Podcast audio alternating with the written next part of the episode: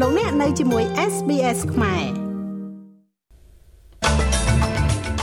អ្នកជំនាញផ្នែកសន្តិសុខតាមអ៊ីនធឺណិតថាការដាច់បណ្ដាញសេវារបស់ Optus ទូទាំងប្រទេសបង្ហាញពីភាពផុយស្រួយនៃបណ្ដាញទូរគមនាគមន៍របស់អូស្ត្រាលីរ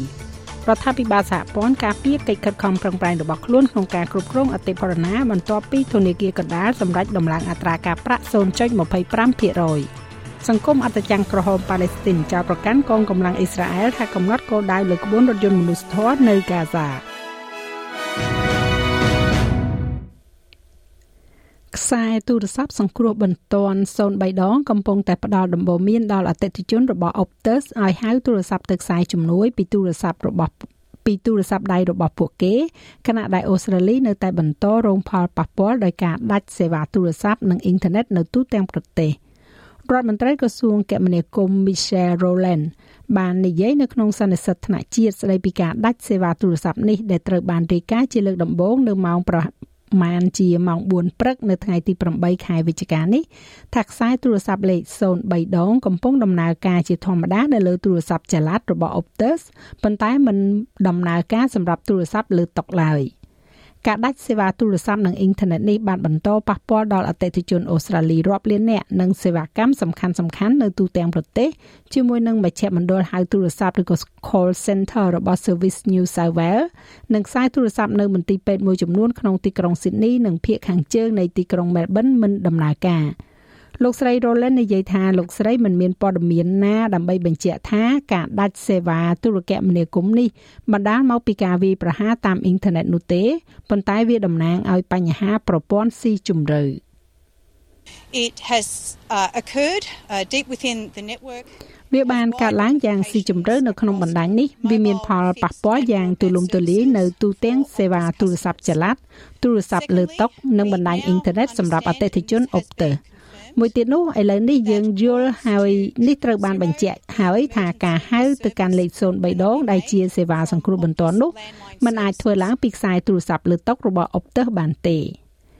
CEO របស់ Optus គឺលោកស្រី Kelly Bayer Rosemarin បានប្រាប់ ABC Sydney ថាក្រុមហ៊ុននៅតែស្វែងរកគ្រប់ច្រកដែលអាចធ្វើទៅបានជាមួយនឹងបញ្ហាមូលដ្ឋាននេះ ដែលនៅមិនទាន់ដឹងពីមូលហេតុនៅឡើយនោះ។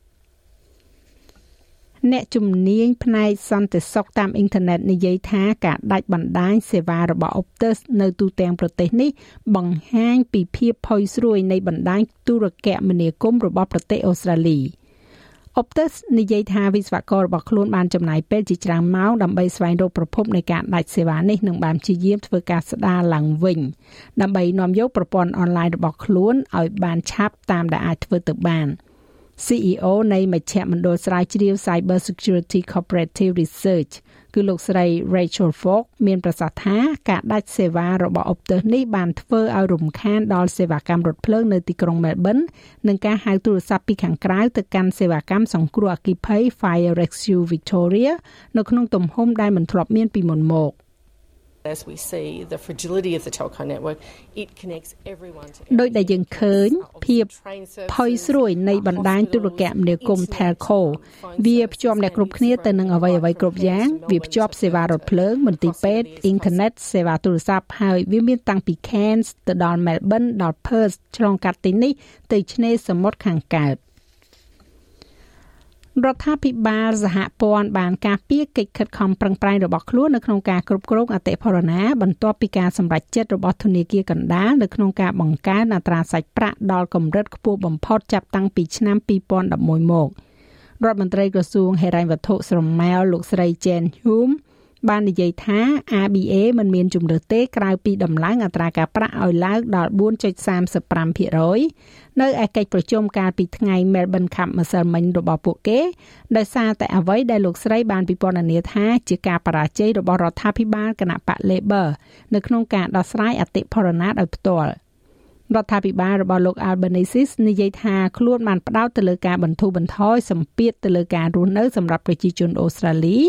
រួមទាំងវិធានការជាច្រើនដើម្បីកែលម្អការវិស័យមើលថែទាំកុមារហៅថា child care និងការទទួលបាននូវការឈប់សម្រាកសម្រាប់កូន parental leave ក៏ដូចជាការបង្កើនជំនួយគ្រប់គ្រងលើធម្មពល ជំនួយការហេរ៉ាញឹកលោក Steven Jones បានប្រាប់ Sky News ថាគោលនយោបាយសារពើពន្ធរបស់គណៈបក Labor មានការគ្រប់គ្រងពី ABA The government's uh, strategy in all of this is to ensure យុទ្ធសាស្ត្ររបស់រដ្ឋាភិបាលក្នុងរឿងទាំងអស់នេះគឺដើម្បីធានាថាគោលនយោបាយសារពើពន្ធរបស់យើង មានក្បួនវិន័យដែលយើងមិនបានបន្ថែមភ្លើងទៅលើអតិផរណាទេហើយយើងក៏មិនបានបន្ថែមភ្លើងនោះដែរទេសាភិបាលធនាគារកណ្ដាលមុននឹងទេសា ភិបាលធនាគារកណ្ដាលនាពេលបច្ចុប្បន្ននេះបានសង្កេតឃើញថាគោលនយោបាយសារពើពន្ធបានបង្កភាពងាយស្រួលសម្រាប់ពួកគេក្នុងការបំពេញកិច្ចការងារ។ជាមួយគ្នានេះលោកនាយករដ្ឋមន្ត្រី Anthony Albanese បានទៅដល់ Taroutonga ហើយនៅថ្ងៃនេះសម្រាប់កិច្ចប្រជុំមេដឹកនាំវេទិកាកោះប៉ាស៊ីហ្វិកហៅកាត់ថា PIF ក្នុងសប្តាហ៍នេះ លោកនាយករដ្ឋមន្ត្រីនឹងចូលរួមជាមួយនឹងមេដឹកនាំមកពីប្រទេសប៉ាស៊ីហ្វិកចំនួន18ប្រទេសដើម្បីយល់ព្រមលើជំហាននៅក្នុងការផ្ដល់យុទ្ធសាស្ត្រឆ្នាំ2050សម្រាប់ទ្វីបប៉ាស៊ីហ្វិកពណ៌ខៀវឬក៏ Blue Pacific Continent PIF ពីមុនត្រូវបានរៀបរៀងដោយការគម្រាមកំហែងដើរចេញនិងមិនបង្ហាញវត្តមានដោយនាយករដ្ឋមន្ត្រីកោះ Solomon គឺលោក Masase Sogawari បានអវត្តមានគួរឲ្យកត់សម្គាល់នៅឆ្នាំនេះ បន្ទាប់ពីទំនាក់ទំនងជិតស្និទ្ធរវាងប្រទេសនៅក្នុងកោះប៉ាស៊ីហ្វិកមួយនេះជាមួយនឹងប្រទេសចិនលោក Graham Smith មកពីនាយកដ្ឋានកិច្ចការប៉ាស៊ីហ្វិកនៃសាកលវិទ្យាល័យជាតិអូស្ត្រាលីនិយាយថាមហាសមុទ្រប៉ាស៊ីហ្វិកដែលរួបរวมគ្នាមួយមានសារៈសំខាន់សម្រាប់សន្តិសុខពិភពលោក people see the most likely conflict um in coming years ប្រជាជនមើលឃើញថាចំនួនដែលទំនងបំផុតនៅក្នុងប៉ុន្មានឆ្នាំខាងមុខនេះនឹងមាននៅលើកោះតៃវ៉ាន់និងរដ្ឋនានានៅប៉ាស៊ីហ្វិកភាគខាងជើងគឺពិតជាស្ថិតនៅក្នុងបន្ទាត់បាញ់ប្រហារសម្រាប់ចំនួនបែបនេះប្រសិនបើចិនចង់ដណ្ដើមយកតៃវ៉ាន់យោធាអាមេរិកនឹងត្រូវឆ្លងកាត់ប៉ាស៊ីហ្វិកខាងជើងដើម្បីចូលទៅតៃវ៉ាន់សង្គមអធិជនក្រហមប៉ាឡេស្ទីន PCRS បាន ចោតប្រកាន់កងកម្លាំងអ៊ីស្រាអែលថាបានកំណត់គោលដៅទៅលើក្បួនរថយន្តមនុស្សធម៌នៅទីក្រុងហ្គាហ្សាអង្គការមនុស្សធម៌នេះនិយាយថាក្បួនរថយន្តដឹកទំនិញចំនួន5គ្រឿងដែលបានដឹកថ្នាំសង្គ្រោះជីវិតផ្គត់ផ្គង់ដល់មូលដ្ឋានសុខាភិបាលដូចជាមន្ទូមន្ទីរពេទ្យ IQ ត្រូវបានបាញ់ប្រហារដោយបានបំផ្លាញរថយន្តដឹកទំនិញចំនួន2គ្រឿងនិងរបួសអ្នកបើកបរម្នាក់ មកទល់នឹងពេលនេះការទម្លាក់គ្រាប់បែករបស់យោធាអ៊ីស្រាអែលនៅលើតំបន់ Gaza Strip បានសម្លាប់មនុស្សជាង10000នាក់ហើយក្នុងនោះប្រមាណជា40%គឺជាកុមារនេះបើយោងទៅតាមក្រសួងសុខាភិបាល Gaza ទោះបីជាមានការសម្លាប់ជនស៊ីវិលក៏ដោយប្រធានអ្នកណែនាំពាក្យ IDF គឺលោក Daniel Hagari មានប្រសាសន៍ថាមិនមានគម្រោងផ្អាកអំពើហិង្សាក្នុងតំបន់នោះទេរហូតដល់ចំណាប់ខ្មាំងទាំងអស់ដែលត្រូវបានកាន់កាប់ដោយក្រុមសកម្មប្រយុទ្ធហាម៉ាស់ត្រូវបានដោះលែងមកវិញ។ מחבלי חמאס Hamas terrorists are telling themselves that they ភេរវកហាម៉ាស់កំពុងប្រាប់ខ្លួនឯងថានឹងមានបទជបាញ់គ្មានបទជបាញ់ទេយើងបន្តទៅមុខទៀតយើងផ្ដោតទៅលើការវាយប្រហារនៅកាហ្សាហើយនៅពេលជាមួយគ្នានេះយើងកំពុងប្រតិបត្តិការក្នុងពេលដំណើរគ្នាក្នុងវិស័យនីមួយៗនៅភាគខាងជើងនេះកើតឡើងមួយខែបន្ទាប់ពីការវាយប្រហារលើអ៊ីស្រាអែលដោយពួកសកម្មប្រយុទ្ធហាម៉ាស់ដែលបានធ្វើឲ្យមនុស្ស1400នាក់បានស្លាប់និងឃើញមនុស្សជាង200នាក់ត្រូវបានចាប់ធ្វើជាចំណាប់ខ្មាំង។ នៅក្នុងប្រទេសកម្ពុជាវិញក្នុងពិធីសម្ដែងសម្ដាលជាមួយនឹងកម្មករកាត់ដេរនៅតំបន់សេដ្ឋកិច្ចពិសេសក្នុងខេត្តព្រះសីហនុនោះកាលពីម្សិលមិញលោកនាយករដ្ឋមន្ត្រីហ៊ុនម៉ាណែតបានណែនាំឲ្យមន្ត្រីជំនាញរៀបចំស្ថាបនានៅផ្លូវរថភ្លើងនៅកម្ពុជាឲ្យអាចរត់បានល្បឿន80គីឡូម៉ែត្រក្នុង1ម៉ោងវិធានការថ្មីនេះដើម្បីកាត់បន្ថយការចំណាយនិងងាយស្រួលទៅដល់ការដឹកជញ្ជូនលោកហ៊ុនម៉ាណែតឥឡូវផ្លូវដែកដែលយើងបច្ចុប្បន្នយើងបើកបាន តែភ្លើងយើងទៅបានទៅត្រឹមប្រហែល40គីឡូ50គីឡូម៉ែត្របបោកឥឡូវយើងធ្វើយ៉ាងម៉េច upgrade មួយចំនួនមួយតង់អាចរុញទៅដល់80គីឡូម៉ែត្របបោកដឹកទំនិញបានបច្ចុប្បន្នចាស់លោកមេងផល្លានឹងធ្វើសេចក្តីរាយការណ៍លម្អិតនៅវគ្គក្រោយទៀតឬក៏លោកអ្នកអាចចូលស្ដាប់នៅលើគេហទំព័រ sps.com.au/ ខ្មែរ នៅក្នុងវិស័យកីឡាបាល់ទាត់ក្រុមបាល់ទាត់បរោះ Socceroos និងក្រុមបាល់ទាត់នារី Multilas ទំនងជានឹងត្រូវបែងចែកប្រាក់រង្វាន់50-50ជាលើកដំបូងមិនធ្លាប់មានពីមុនមក នៅក្នុងប្រាក់រង្វាន់ពីការប្រកួតនៅ World Cup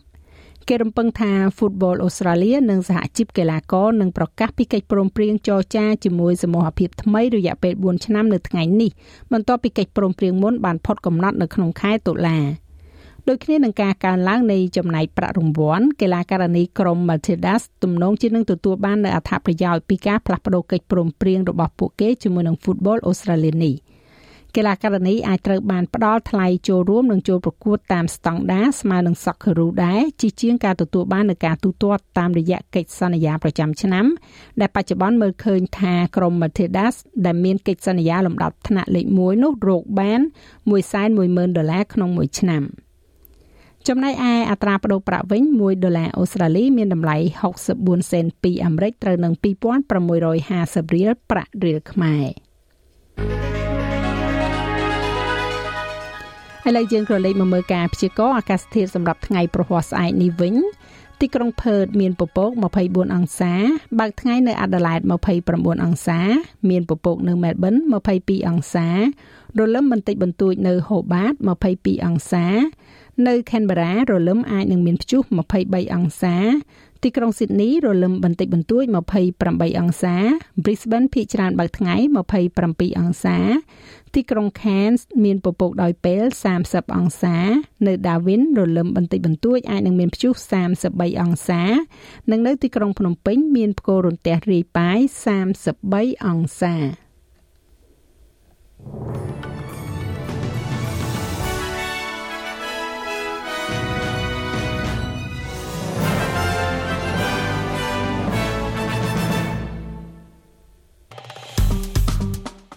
like share comment និង follow SPS ខ្មែរនៅលើ Facebook